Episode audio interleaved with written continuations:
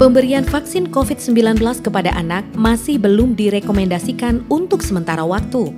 Hal ini tentunya menimbulkan pertanyaan bagi orang tua yang memiliki anak di bawah 18 tahun. Apa alasannya?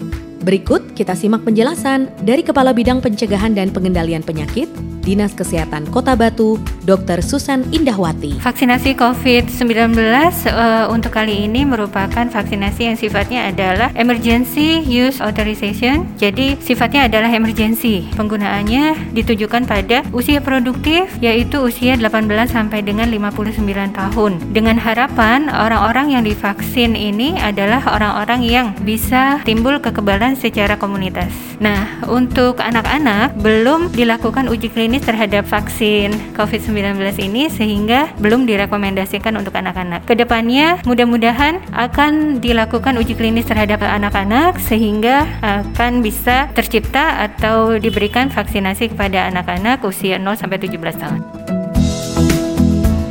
Selama vaksin yang aman dan efektif untuk anak belum ditemukan, upaya perlindungan yang bisa dilakukan adalah melaksanakan disiplin 3M, memakai masker, mencuci tangan, dan menjaga jarak.